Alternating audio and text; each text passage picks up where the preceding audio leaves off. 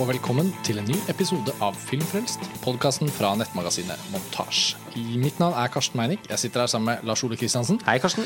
Og vi er, som sagt i forrige episode, på filmfestivalen i Venezia. Og når vi har disse festivalpodkastene, så blir vi jo litt sånn yra av glede. Det er jo så mye gøy film å se. Vi skal være her i ti dager, den ene filmen etter den andre. Det er et veldig bra program i år, så det er jo naturlig at vi lager en del episoder av Filmfrelst. For vi snakker jo så mye om filmene utenom også, så da må vi på en måte få, få sendt dette ut i eteren. Og i dag så har vi på en måte bestemt oss for å lage en episode som fokuserer på skuespilleren Amy Adams. Ja, Hun har hatt en dobbeltbill her nede. Ja, Hun spiller hovedrollen i to av de mest profilerte filmene. Denis Villeneuves 'Arrival'. Mhm. Kanadiske regissøren som har vært veldig profilert. Sicario var Cannes i fjor, han imponerte i thrilleren 'Prisoners'. Han har på en måte vært en stigende stjerne. Nå skyter han Blade Runner 2, men ikke noe mer om det.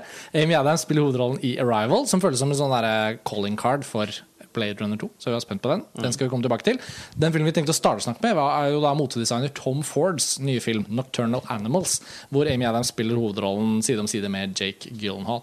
Men vi, vi hadde lyst til å bare liksom snakke om Amy Adams som utgangspunktet for å snakke om de to filmene. Fordi vi er vel begge enige om at Amy Adams er en sånn skuespiller som nesten alltid er det beste med filmene hun er med i. Altid. Og hun har, eh, hun har jo en merittliste nå i stadig ung alder som er så imponerende at man blir litt svimmel av synes hun har fem Oscar-nominasjoner. Eh, fortsatt ikke vunnet. Burde vunnet for The Fighter. Men eh, er al Altså, hun Hun er også en av de skuespillerne som evner å være veldig seg selv. Altså sånn hun- hun er, hun er både en karakterskuespiller i den forstand at hun alltid klarer å liksom eh, gripe an en rolle på liksom, rollefiguren sine premisser. Altså, og tilpasse rolletolkningen sin, ikke bare sitt eget register, men virkelig liksom forsøke å skape en rollefigur, samtidig som hun har noe unikt. Amy Adams. Hun har det. Og, og jeg husker jeg glemmer aldri første gang jeg så henne. Uh, Steven Spielbergs 'Catch Me If You Can' 2002. Ja, eller første gang jeg så kanskje sånn, jeg husker Den kom jo den vinteren.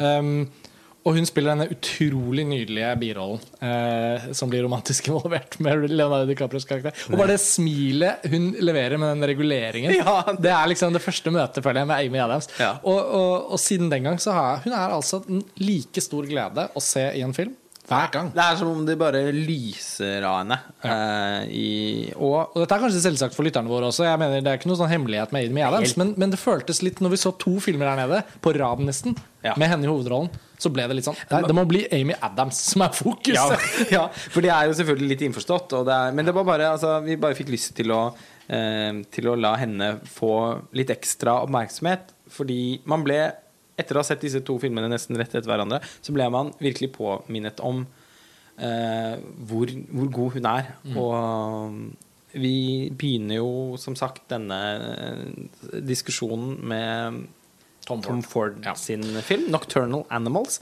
Skal si, ja, hvor skal vi starte? Altså, Tom Ford, i hvert fall. Han uh, er jo en meget berømt uh, motedesigner som virker å ha det som en slags hobby å være spillefilmregissør. Uh, det betyr ikke at de er på en måte noe mindre bra eller mindre interessante. Det er ikke noe negativt ment, men det er litt sånn at han er jo på en måte Tom Ford. Derfor virker det som at når han lager film, så er han liksom litt sånn Da har han det gøy. Da er han på hytta med mange venner. Og, Det er litt sånn som Jan Vardøen. ja, en ikke urelevant Eller ikke irrelevant sammenligning på tross av at eh, hva skal vi si, midlene Tom Ford har tilgjengelig for å finansiere sine egne filmer, gjør at han kan liksom ha Amy Adams i hovedrollen. Eh, og Og, og kjente skuespillere. hun er god, hun i høst, Alle eh, biroller. men Ja. på en måte det er en litt annen. uh, I hvert fall så, så har Tom Ford nå uh, endelig fått tid til å lage en film igjen. Man må nesten stille litt på den måten. A Single Man med Colin Firth var en film som hadde veldig mange kvaliteter. Det var ikke noe vanskelig å se at Tom Ford også kan lage film. Og med Nocturnal Animals så har jo på en måte buzzen vært litt sånn Den har vært ladet på en ganske sånn eh, For meg i hvert fall veldig sånn Oi, kanskje han har laget noe skikkelig bra. De sier det er en thriller. En film med to filmer inni én. Hva kan det være? Men jeg har liksom ikke helt satt meg inn i plottet. Det er adaptert av en eller annen roman, men det vet jeg ingenting om. Så det er sånn Da vi skulle se den nå, så var jeg sånn Dette kan liksom være og det starter med altså, en av de mest utrolige fortekstsekvensene. Så når, når liksom tre minutter av uh, Nocturnal Animals har utspilt seg, så tenker man bare sånn Ok, da, har vi, da er dette festivalens høydepunkt. Ja, og det kan man det si på en festival hvor de to store høydepunktene, Mel Gibsons eh, nye film, eh, 'Hacksaw Ridge', og Terence Malicks lenge etterlengtede dokumentar, eller hva skal man si, filosofiske essay, eh, 'Voyage of Time', skal bli vist. Og jeg ble sånn wow. Jeg ble så, eksakt samme reaksjon. Ja. den forteksten er altså så, så fantastisk. Jeg har Jeg vil- ikke jeg vil ikke lyst si til å si hva det er. Nei. Fordi overraskelsesmomentet er jo, er jo Vi skal ikke komme med spoilere på verken Nocturnal Animals eller Nei. Arrival, som vi skal snakke om til slutt. Så det, Men det var bare sånn Filmen Ja. introduserer seg selv som et den, den eh, starter så bra at Den starter så bra at man kan si at på en helt annen måte enn Enter the Void av Gaspar Noé, Mm. så har den en sånn start som bare er sånn. Ja, er det sagt. Og, og uh, Litt verdt å se hele filmen for det, faktisk. Ja, det er verdt billetten alene. Det vil jeg påstå. Og det er en kjempemorsom, underholdende film å se, selv om den til syvende og sist ikke er spesielt vellykket. Men vi For, for, for hva var dette? Det blir jo litt ja, å hva, ta det opp igjen. hva er dette for noe? Eh, Thriller i to deler viste seg å være misvisende. det er ikke sant? Ja. Det, først så tenkte jeg Og han er jo en eh, Altså, det skal jo ikke stå på håndverket Eller estetikkens Eller estetikk. liksom, altså sånn, han er jo Hans uerfarenhet som filmforteller eh, gir jo på en eller annen måte filmene hans også et sånn type overskudd eh, som gjør at de fremstår liksom uskolerte på en bra måte. Jeg var ikke sånn overveldende begeistret for A Single Man. Jeg synes Den var Den hadde noe liksom parfymereklameaktig og utvendig over seg. Men altså, det var umulig å ikke tenke at at Tom Ford hadde talent Ja. eh, når man så den filmen. Og det blir også veldig synlig med en gang i Nocturnal Animals. Filmen er da skutt av Seamus McCarvey, en av verdens beste filmfotografer, som uh, har skutt Atonement og Anna Karenina og We Need to Talk About Kevin og, Og The. Avengers. og det er, ja, tenk at han gjorde den! Hans minst spennende arbeid. Selvfølgelig, men, Men- fikk nok litt cash for det. Ja, ja, det vil jeg tro. Ja. Men altså, han er jo eventyrlig, og, mm. med- og og sånn umiddelbart så ser man jo eh, estetikeren Tom Ford eh, bruse med fjærene i, eh, i Nocturnal Animals.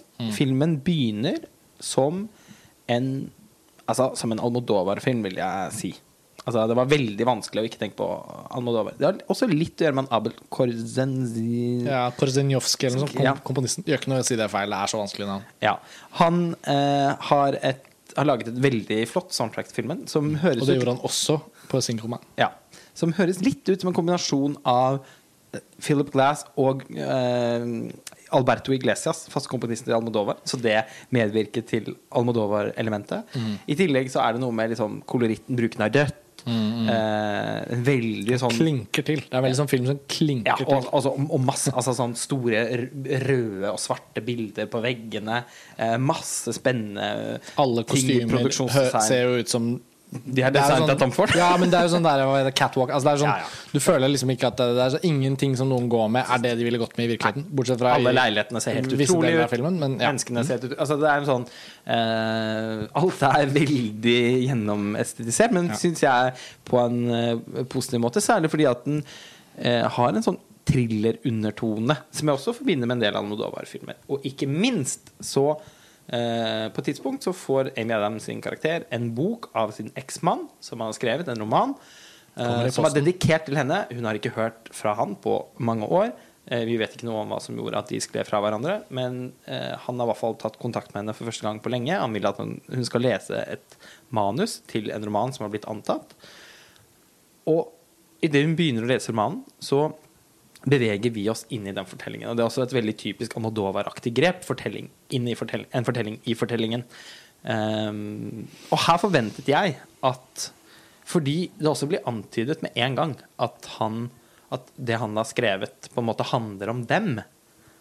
Eller altså handler om henne på en eller annen måte. Så, så sitter jeg da og forventer at den fortellingen inni fortellingen på en eller annen måte skal gi oss historien om, om dem. Eh, og det tror jeg ganske lenge. Før det blir veldig åpenbart at det kan da umulig være tilfellet. Fordi det viser seg at denne filmen inni filmen er en, Boken inni det filmen, boken inni filmen, som, Som også, blir blir filmen film. ja, ja. Før boken er filmatisert inni filmen, eh, blir eh, er en sånn, sånn typisk sånn redneck-horror. Eh, som det jo går ganske mange på Dusina dusinet av. Ja. Eh, hvor eh, Det er noen Jake- kjipe folk på en mørk vei i Texas. ja, altså sånn The Hills Have Eyes Uh, kan- Altså den her eh, altså, Det finnes utallige uh, filmer man kan sammenligne med. Det trenger vi ikke å gjøre. Det er altså noen, noen elementer av True Detective her. Eh, Ikke på en bra måte. Nei. Som jeg tullet med etter visningen. Jeg følte det var sånn halvmorsomt. Men Michael Shannon jeg dukker opp som en sånn innrøyket uh, tyggende etterforsker. Mm. Men det, men det er noe med at du føler liksom at den filmen som vi snakker om, som er da særlig den filmen i filmen, um, den har noe sånn derre Si at det fantes True Detective sesong 3 episode 5 bifortelling. Det er liksom sånn Det er fra den laveste rang. Ja, det vil jeg si. Og Eh, det tar- det, det, be- men det begynner ikke så dårlig, da. Nei da, Det nei da. Altså, Det, det, er bare det at filmen bare Selv om det er utrolig merkelig at, at, at, at det skal være fortellingen inni fortellingen. Det er på en måte gjenklang. umulig å forstå. Og, og at hovedrollen i den spilles av Jekyll Mm. som også spiller hennes eksmann, altså forfatteren, i de flashbackene som Mm. Ja. vi også får servert etter hvert. Ja. Som på en måte krysses Ja. med eh, fortellingen Om Amy Adams og hennes liv. Ja. Eh, så eh, Men lenge så tror jeg faktisk da at dette er historien om dem, fordi at eh, kona til Jake Gyllenhaal og datteren der har rødt hår. Så tenker jeg at eh, Mm. Altså, er det for, Og det har jo også Amy Adams. Så er det men, men ok, men, men, men det blir raskt opp, åpenbart at det er det ikke i Aaron Taylor Johnson, en av de skuespillerne du liker minst i hele verden, Karsten, Ja. eh, dukker opp som en del av en sånn motbydelig eh, Redneck-gjeng. ja. Som eh, spiller funny games med dem på landeveien. Og tvinger de ut av bilen. eh, og, og ender opp med å Med å Ja, nei, nå kan vi ikke spoile, selvfølgelig. Nei, men det skjer eh, brutale ting eh, ved landeveien. I- ja. Uansett så er ikke det dette igangsetter en sånn slags eh, politietterforskning Nettopp. som ledes av eh, Michael Shannon sin uh, eh, sheriff. Noe av kilden til forvirringen her er jo uansett den følelsen man sitter igjen med. Hvorfor og hvordan er disse tingene koblet sammen? Filmen geleider oss jo i den retning. Det er jo ingen tvil om at Amy Adams, som sitter og leser dette manuset, har eh, uavklarte følelser overfor sin eh, eksmann. Og Så- uavklarte følelser i forhold til alt, virker Ja, det som. ja. For hun har jo også en mann ja, som er utro. Som spilles av en av brødrene Winklevoss i The Social Ja, Network. hvordan har de klart å lure seg fra Social Network? over i den filmen? Altså Army Hammer, som vi sa på LOL der, han har klart å spille i ganske mye filmer, fått ganske mange roller etter eh, Social Network, men Han vil, han vil aldri klare å forbinde med noe annet. det var en Winkelvoss i denne filmen. Ja. Eh, og han spiller også en veldig sånn Winklevoss-aktig karakter. Eh, men Amy Adams har også et sånt veldig sånn, Hun jobber med noe kunst som, ja, som ser veldig bra ut. Ja, Men som hun Det er veldig gjennomarbeidet. Det er Ja. mange filmer hvor, Hvor kunsten til kunstnerne Ja. er veldig ræva. Ja. Men det er det ikke her. liksom, kjempebra. Ja. Eh, men, som hun, men hun er ikke noe fornøyd, og ikke noe selvtillit. Og, men kanskje er hun også en sånn slags romantisk oppfatning om at hvis kunstnerne elsker sine egne verker, så er de ikke ordentlige kunstnere. Ja. Ja. Er det et kunstnerportrett? ja, men, den, vet men den introduserer begynnelsen på noen sånne Ja. samtaler uten å gå inn det. Eh, men så virker det som at hun har et veldig sånn traumatisk forhold til sitt eget yrke, eh, til sin egen familie, sin egen mor. Som Det er sånn egentlig en film med veldig mange igangsettelser. ja. Uten Og ikke minst kollegene på jobben, Gina. Malone, Ja. som en sånn grusom karakter som Og filmen, kommer altså, hvem hadde trodd det? Denne filmen, som ikke er i nærheten av en skrekkfilm, har en av de verste jumpscares ja. jeg har sett på årevis. Jeg holdt jo på å falle ut av setet når den jumpscaren kom. Ja, og den kom jo ikke vars Det var jo ingenting som tilsa Jeg skvetter jo også av varslede jumpscares. Så selv når jeg vet at det kommer, så syns jeg det er helt jævlig. Og jeg som ikke skvetter så lett, uh, hoppet himmelhøyt Ja. og lo Ja. I fem Ja, minutter. var- var En sånn bra, magekilling. Ja, jeg syns det var bra gjennomført, men det var bare så merkelig. Så Så, det er en film full av utrolig mange merkelige innfall. Ja, og det, altså, det, det, det er, er, Jeg har ikke veldig så mye om Amy Adams, men ja. Det er å Ja, hun er kjempebra, da. ja. ja, det var det jeg skulle til å si. Ja, men hun er det. Ja, hun er kjempebra. og hun, ja, men hun er tindrende god. Ikke minst så spiller hun en ung versjon av seg selv med enorm overbevisning. Mm. Det er akkurat som de også har castet de to skuespillerne som to skuespillere som virkelig er i stand til å spille sitt yngre jeg. Mm. Jake Gyllenhaal har jo fortsatt også noe sånn gutteaktig ved ansiktet sitt. Altså Gyllenhaal og Amy Adams kan begge spille fra 20 til 50 på det nåværende tidspunkt. Ja, og det gjør de jo litt i filmen. I hvert fall fra 40, 20 til Ja, 40. 40, 20 til 40. Eh, Men jeg tror de begge kunne klart 50. Ja, det Hvis- hvis tror jeg òg. Eh, samme type smidighet som man ser i For å nevne Catch Me If You Can igjen. Mm. Leonardo DiCaprio i den filmen. Kjempebra. Og så mange hopp og grep og ting og greier som det er i denne filmen, så er den aldri kjedelig å se på. Den er, den er også veldig vanskelig å gi opp.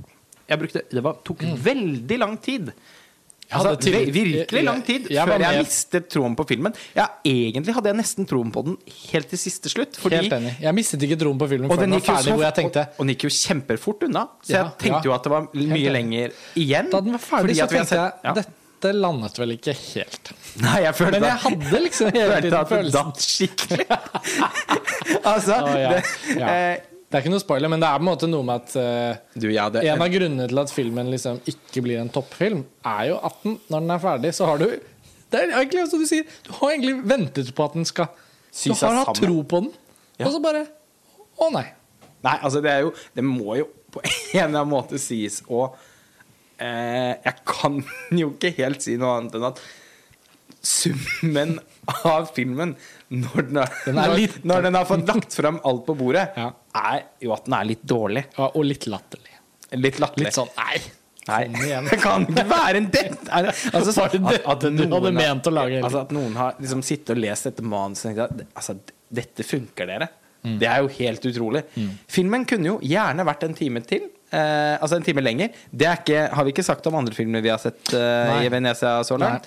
Nå tenker jeg på den vært Between mer, Oceans igjen. hvis det hadde vært mer fortelling om, Ja, ja, om men jeg, var ikke, ja, men jeg var ikke mett på denne filmen. Altså sånn Jeg ser den. Jeg er enig. Mm. Her kunne man men, men det som er corny, er jo valget om at fortellingen inni fortellingen egentlig på ingen måte Har noe med fortellingen å gjøre. Nei. Fordi her, eh, riktignok, så kunne det kanskje blitt litt sånn vel Almodovar-pastisj, men det hadde ikke gjort meg noe. Hvis fortellingen inni fortellingen her handlet om Handlet om eh, Var en blanding mellom flashback Altså, OK. Hvis det var to fortellinger innen fortellingen En Nå, som gjør var du, nå gjør du det igjen. Nå er du sånn kritiker som foreslår hvordan filmen egentlig skal være. ja. Men så, ja, som jeg gjorde i forrige episode også. En kardinalsynd. Men det er vanskelig å, å la være når, når man får en sånn film som, som dette her eh, servert, hvor det er så mange elementer som er så spennende, men hvor det er noe, gjort noen utrolig underlige valg. Man kunne ha to fortellinger inni fortellingen. Den ene fins allerede i filmen. Historien om hvordan Jake Gyllenhaal og Amy Adams sine rollefigurer møtte hverandre, ble forelsket og fikk problemer i samlivet. Eh, som springer ut av hans ambisjoner om å bli forfatter, men manglende evne til å lykkes, særlig fordi han eh, Han får et slags selvtillitstap av at hun er for ærlig i sin, sine tilbakemeldinger til hans tekster. Sier for eksempel prøver å komme ut av skyggen fra sin mor Ja. hele tiden. Som han aktivt sammenligner henne med. Uh, You have the same sad eyes. ja. Som hun syns er veldig problematisk. Og så kunne fortellingen, den andre fortellingen i fortellingen, altså hans fiksjon, romanen han skriver, og som han velger å sende til henne, vært en annen versjon av den historien mellom de to, som var eh, perspektivert på en eller annen måte, som hadde tilført filmen eller noe spennende. Og som gjorde at vi kunne forstå mer av hennes livssituasjon, og hvordan hun hva hun forsøker å uttrykke med sin kunst, hvorfor hun føler seg så uforløst, eh, hvorfor hun på en eller annen måte lever i et sånt sånn mareritt. Filmen har jo Altså, den har jo noen, noen sånn psykologisk skrekkaktige elementer ved seg som bare Men den filmen er også en Los Angeles-film. Det diskuterte vi i forrige episode om La La Land på en helt annen, helt annen måte. Ja. Men jeg trekker inn Mulholland Drive her òg, jeg. Hvorfor ikke? Eh, den, den er Nocturnal Animals er definitivt ikke nok Mulholland Drive. Nei. Du introduserte begrepet noen gang at en film burde være noen prosent mer eller mindre Ikke mindre, men mer Black Swan. Ja. Det det jeg tenkt Um, Hvis jeg ble spillefilmkonsulent på NFI en gang, så tror jeg jeg skulle brukt det ganske ofte. Som en sånn fast, uansett hva slags film det var. Denne filmen burde bli sånn ca. 10 Karsten og Petra 11. Den burde vært 10% mer Black Swan. Nei, men eh, her føler jeg jeg Mulholland Drive Nå måtte jeg bare eh, komme på hvilken film Ja. som var opphavet til det. Nokså interne begrepet. Ja. Det var faktisk de nærmeste. Ja, Som jeg, som jeg mente at burde være 25 med Black Swan. Ja, og det tror jeg det, Jeg støtter den, det forslaget. Ja. Uh, la oss bruke Mulholland Drive i denne sammenhengen. Uh, Nocturnal Animals er veldig langt unna å være noe i nærheten av Mulholland Drive. Det er ikke noe egentlig, De lever ikke i samme verden, de to filmene.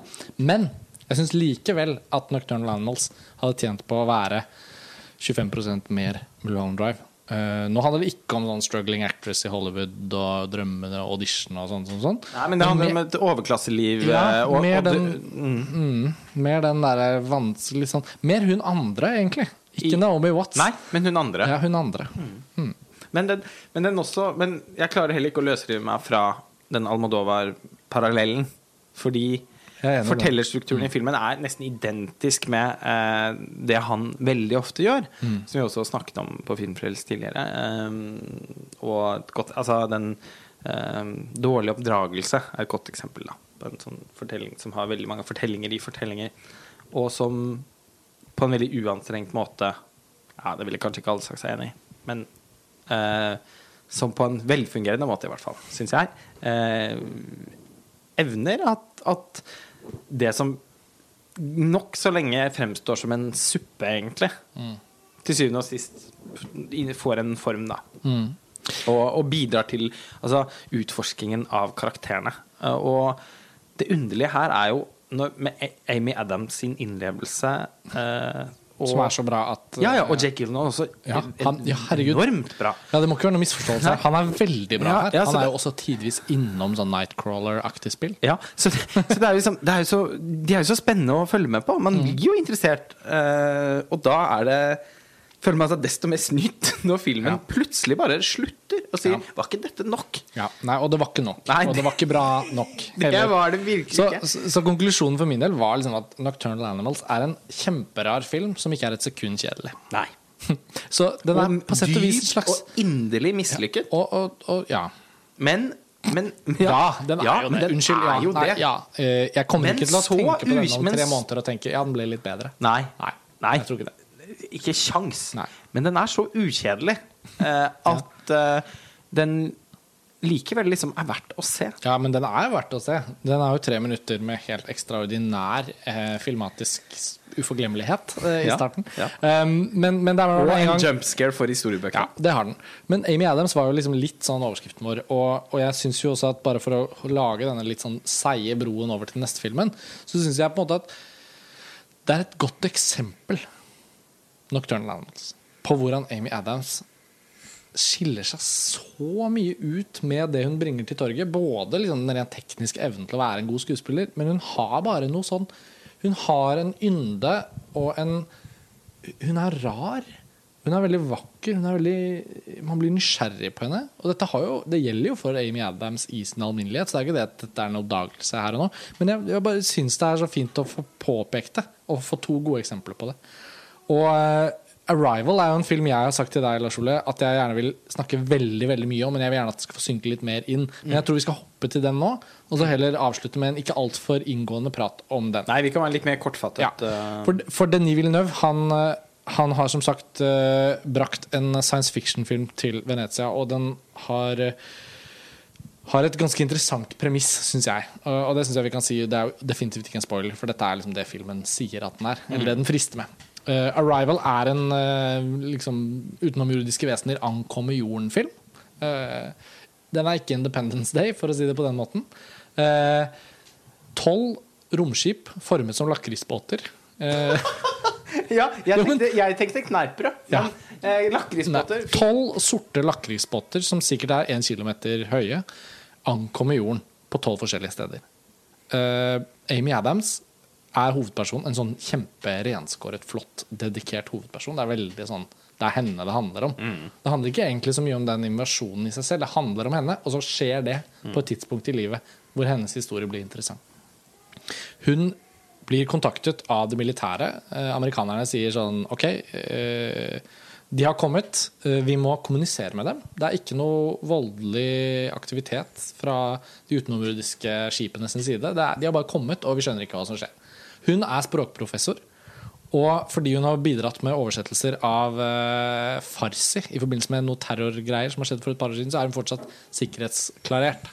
Uh, og derfor må de bruke henne, fordi det går raskere. Bare få henne inn. Og hun er enormt opptatt av språk og mener at det å lære et annet språk er noe som, skift, som gjør noe med deg på en måte som gjør at du kan drømme annerledes, tenke annerledes.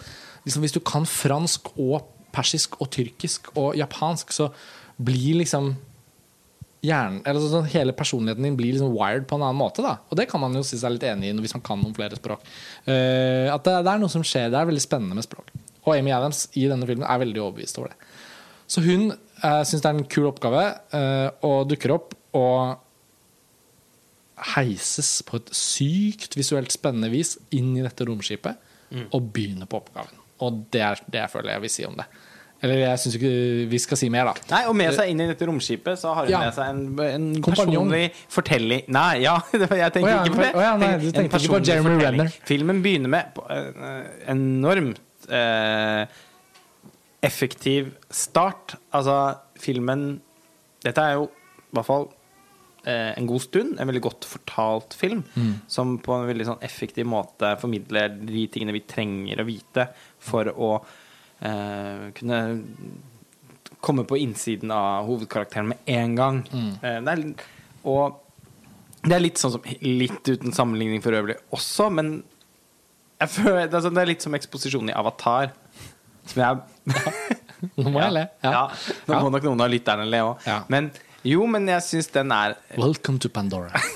Ja, men det er egentlig det som skjer fram til det. Ja, sånn, ja. Hvor Jake Ja, Scully ja, eh, Backstory. Ja, backstoryen der. Den er så effektivt fortalt. I Altså, Arrival. Ja. Ja.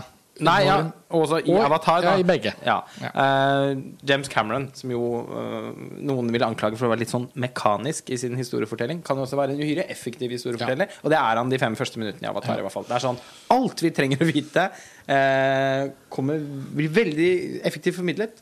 Og så kan vi dra til Pandora. Ja. Sånn er det, Det er her sant. også. Sånn Alt sånn vi trenger å vite om Amy Ja. Adams, blir formidlet i løpet av fem minutter. Og så er vi ute på det romskipet. Men de fem minuttene rommer en ganske vesentlig ting, nemlig at hun har mistet datteren sin i kreft. Eh, og sånn sett så er det vanskelig å ikke se for seg en sånn Solaris-aktig scenario hvor hun bringer med seg eh, dette inn i, i, i romskipet som en eksistensiell, emosjonell krise.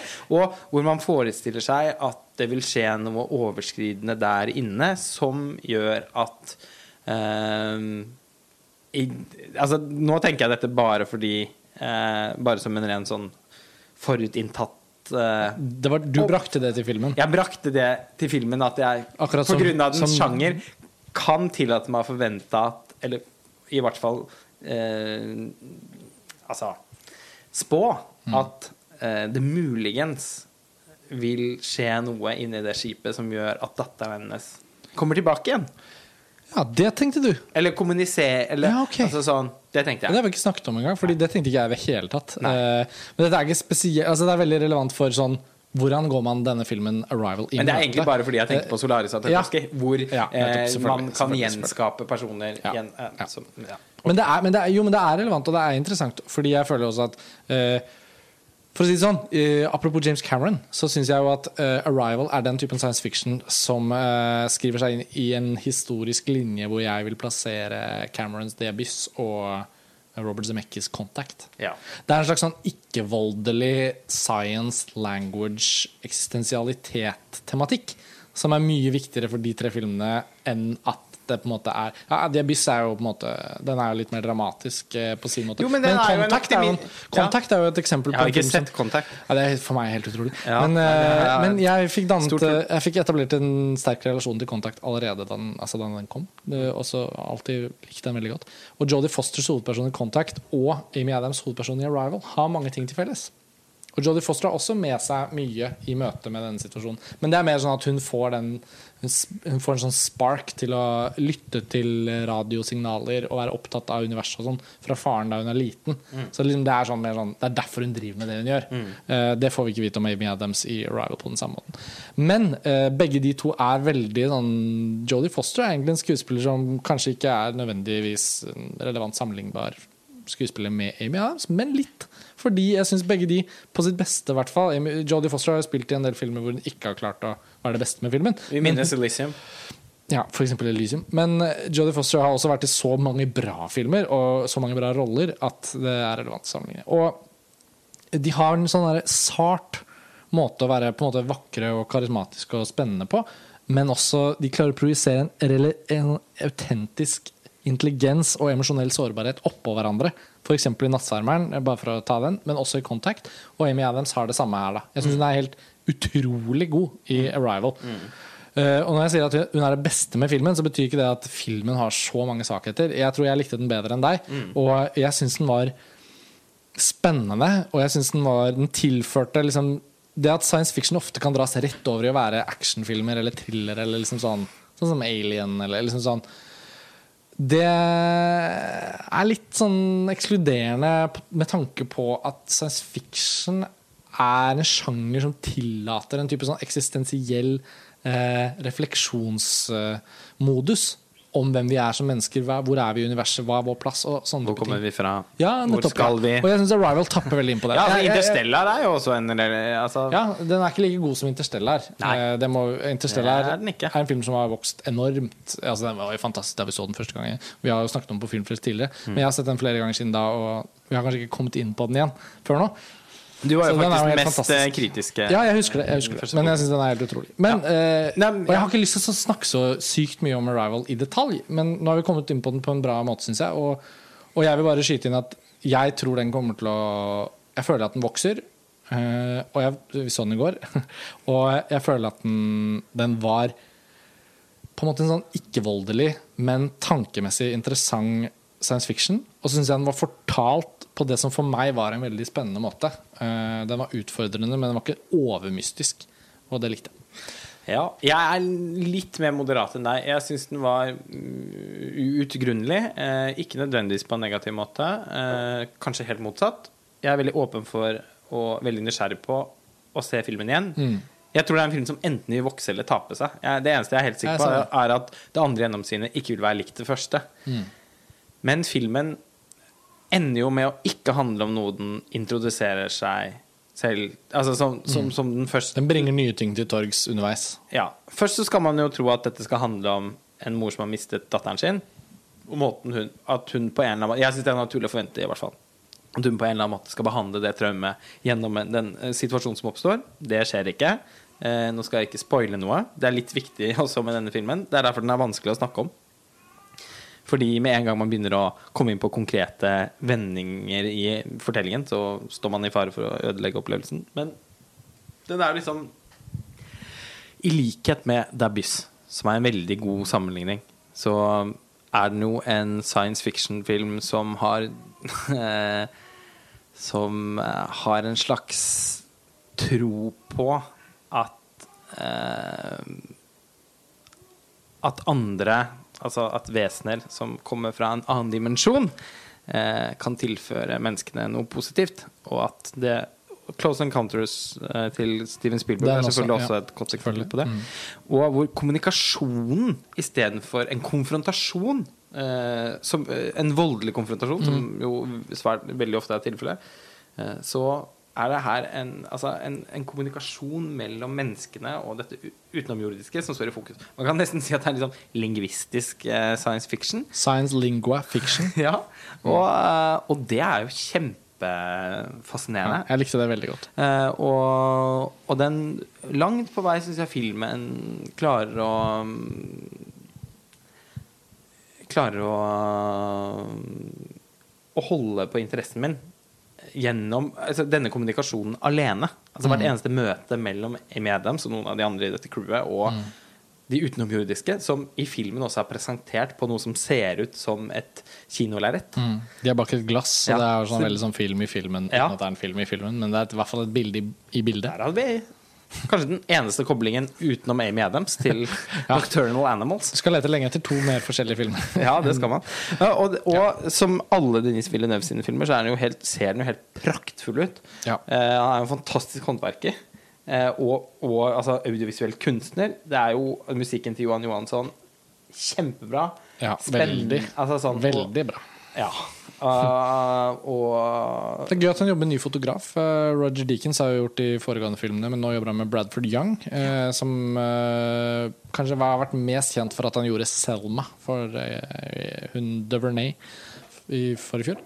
fjor. Og det var jo en film som også hadde en veldig slående visualitet. Ja, absolutt. Så en veldig talentfull ny Ikke ny, men en talentfull filmfotograf. Ja, virkelig. Og filmen altså, den er så rik på stemninger og altså, Det er en film man bare dykker inn i, så den er vidunderlig å oppleve på kino. Absolutt. Eh, den eh, jeg, jeg synes nok filmen på et eller annet tidspunkt blir Altså, når, det, når, når alle kortene er lagt på bordet, så er jeg veldig usikker på om jeg syns at det den handler om, er interessant eller tåpelig. Eh, den har noe den, den, har, den har en sånn den, den, Jeg syns kanskje den lener seg Eller den stoler litt for mye på at, eh, at den kan forbli uforløst, og at eh, publikum kan dikte videre på de ideene filmen har servert. Jeg er litt usikker på om jeg rent intellektuelt syns at de er spennende nok, da. Fordi filmen mangler definitivt et sånn overskridende element. Eh, og et sånt sted hvor den Altså typ den bokhyllesekvensen i Interstellar, da. Mm. Hvor filmen bare kaster seg ut i noe. Og kanskje også mister noen publikummere. Men hvor den liksom gjør at jeg Som jeg syns er en veldig viktig kvalitet ved de Hvor den liksom blir radikal på en eller annen måte. Som jeg syns er en viktig kvalitet ved de beste science fiction-filmene. At den blir sånn huh, Ja, Oi, hva er det? Ja, nettopp. Den er jo packed da, Ja. av dette. Men ja, jeg- jeg og innbegrepet på det. Og, den, og Jeg- jeg man kan forvente ikke at denne jeg, jeg forventet det fordi at jeg syns filmen bygger opp mot det. Ja. Jeg, jeg, det er ikke en narrativ film. Nei, jeg ser poenget ditt, og det er på en måte ikke noe sånn uenighet. Men jeg var revet med av det som jeg fikk, på en måte som gjorde at jeg ikke savnet det like mye som deg, da, f.eks. Men det blir veldig spennende å se den igjen. Og, og, det, og jeg tenker det Ja, er, det jeg det er et bra punkt å avslutte på. Ja. Og Denis Arrival har, har kommet på Altså Han er i en posisjon hvor jeg virkelig har lyst til å se alt han gjør. Ja. Arrival var i hvert fall eh, en av de bedre filmopplevelsene til nå og, eh, her, her i Venezia. Og den kommer jo på norske kinoer om ikke så mange måneder. Så det blir jo, det blir jo en film vi kommer til å ta opp igjen og, og skrive og kanskje også snakke mer om på montasje. Vi får se. Eh, eh, det var det for denne episoden av Filmfrelst. Vi er fortsatt i Venezia og kommer til å fortsette å komme med festivalepisoder herfra. Neste episode så dere blir- hører fra oss veldig snart. neste episode blir om Mel Gibsons Hacksaw Ridge. Det gleder vi oss veldig gleder oss enormt til. Takk for denne gang. Takk for at dere hører på, og ha det bra. Ha det bra.